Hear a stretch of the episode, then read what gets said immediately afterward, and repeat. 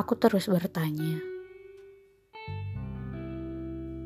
mengapa begitu banyak ketidaksengajaan dalam hidup ini?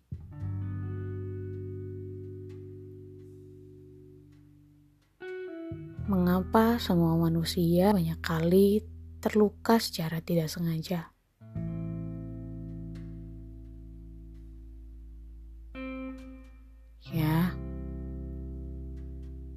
Tidak tahu harus menyalahkan siapa.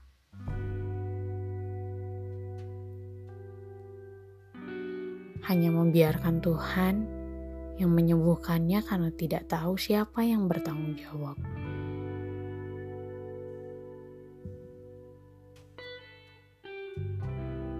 Tidak pula pantas berharap akan ada yang meminta maaf.